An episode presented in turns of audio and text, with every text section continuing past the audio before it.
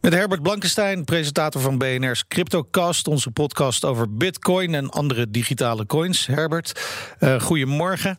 Goedemorgen. Een uh, Amerikaanse programmeur is in moeilijkheden omdat hij over cryptogeld is gaan vertellen in Noord-Korea. Oei. Ja, dat gaat over Vincent Griffith, een ontwikkelaar van 36 jaar, gespecialiseerd in Ethereum. Uh, hij is inwoner van Singapore en staatsburger van de Verenigde Staten. Donderdag werd hij gearresteerd toen hij terugkwam uit Noord-Korea. En daar was hij geweest op de Pyongyang Blockchain and Cryptocurrency Conference. Ik wist echt niet dat ze ja, daar dat, dat jij daar niet was. Herbert. Ja, ik had ja, goh. Uitgenodiging gemist. Dat is perfect, zullen we maar zeggen. Ja. hij, hij heeft daar een praatje gehouden over smart contracts. En zelfs een demonstratie gegeven van het overmaken van één ether naar Zuid-Korea. Ja, dat moet je natuurlijk niet doen. Volgens nee. justitie in de Verenigde Staten heeft hij op die manier Noord-Korea geholpen aan informatie om aan sancties te ontkomen. En dat is ja, in strijd met allerlei wetten daar. Voor zijn vertrek naar Noord-Korea had hij toestemming gevraagd om te gaan. En die kreeg hij niet. En justitie zou hem zelfs hebben gesommeerd om niet te gaan. Hmm. Toch deed hij het. Hij is gisteren trouwens vrijgelaten in afwachting van een strafproces. En gezien de aanklachten kan hij 20 jaar krijgen. Maar Herbert, is het aan aannemelijk dat hij inderdaad Noord-Korea strategische informatie heeft toegespeeld. Nou, daar uh, krijg je nu een hele interessante discussie over.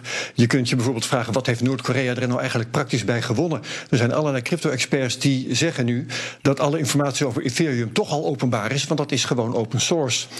En er was de Nederlandse crypto-expert Sjors Provoost, die schrijft op Medium. Stel nu dat hij gewoon thuis was gebleven en zijn lezing op YouTube had gezet en even had getwitterd: hey Kim, kijk hier eens naar. Ja. Dan zou in de Verenigde Staten iedereen hebben gezegd dat valt onder de vrijheid van meningsuiting.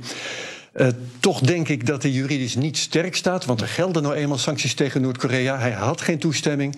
En ja, als je gaat laten zien dat je makkelijk een betaling aan Zuid-Korea kunt doen, ondanks de sancties, dan is dat toch op zijn minst een provocatie. Ja, enzovoort, ja. enzovoort. Um, maar ja, daar gaan binnenkort een jury en een rechter binnenkort wel naar kijken, dan merken we het vanzelf. Dan uh, voetbalclub Juventus van Matthijs Licht, die gaat gebruik maken van cryptogeld. Hoe gaan ze dat doen? Ze doen iets nieuws en dat heet een fancoin offering. Ja, genoemd naar de uh, initial coin offering, uh, waar een tijd geleden allerlei problemen mee zijn geweest, omdat die allemaal, niet allemaal, maar een groot aantal ervan stonken een beetje. Maar die fancoin offering gaat heten een FCO. Um, en je kunt nu een app installeren. Jij en ik kunnen dat ook. Die heet sokios.com. En met die app kun je de fan-tokens krijgen, zo heten ze. En dat kan op twee manieren. Je kunt ze vinden in een soort spel dat wat weg heeft van Pokémon Go. En je kunt ze ook gewoon kopen voor 2 euro per stuk. Als je die tokens hebt, dan kun je meestemmen over allerlei vragen. En de eerste stemming loopt nu, die gaat over welk lied er in het stadion oh. wordt gespeeld als Juventus heeft gescoord. Cryptodemocratie, meen ik. Nou ja, ik uh, doe pas mee als ik mee mag doen aan de opstelling. Maar goed, is uh, Juventus de eerste club die zoiets doet? Ja, maar er zitten er een hele hoop in de wachtkamer. En dat oh, okay. zijn echt niet de minste. Sokios.com heeft meer klanten. In januari gaan Paris Saint-Germain en Atletico Madrid zoiets doen. En in februari volgen dan Galatasaray, AS Roma en West Ham United.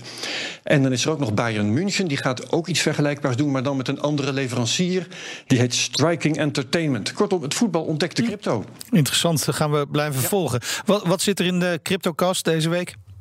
We hebben uh, te gast Guts Tickets. Dat is een bedrijf dat probeert zwarthandel en fraude met uh, tickets te bestrijden met blockchain-technologie. Morgen eind van de middag, dan kun je daar naar luisteren. Dankjewel Herbert. En alle afleveringen van de CryptoCast zijn natuurlijk te beluisteren via de BNR-app, bnr.nl of je eigen favoriete podcast-app.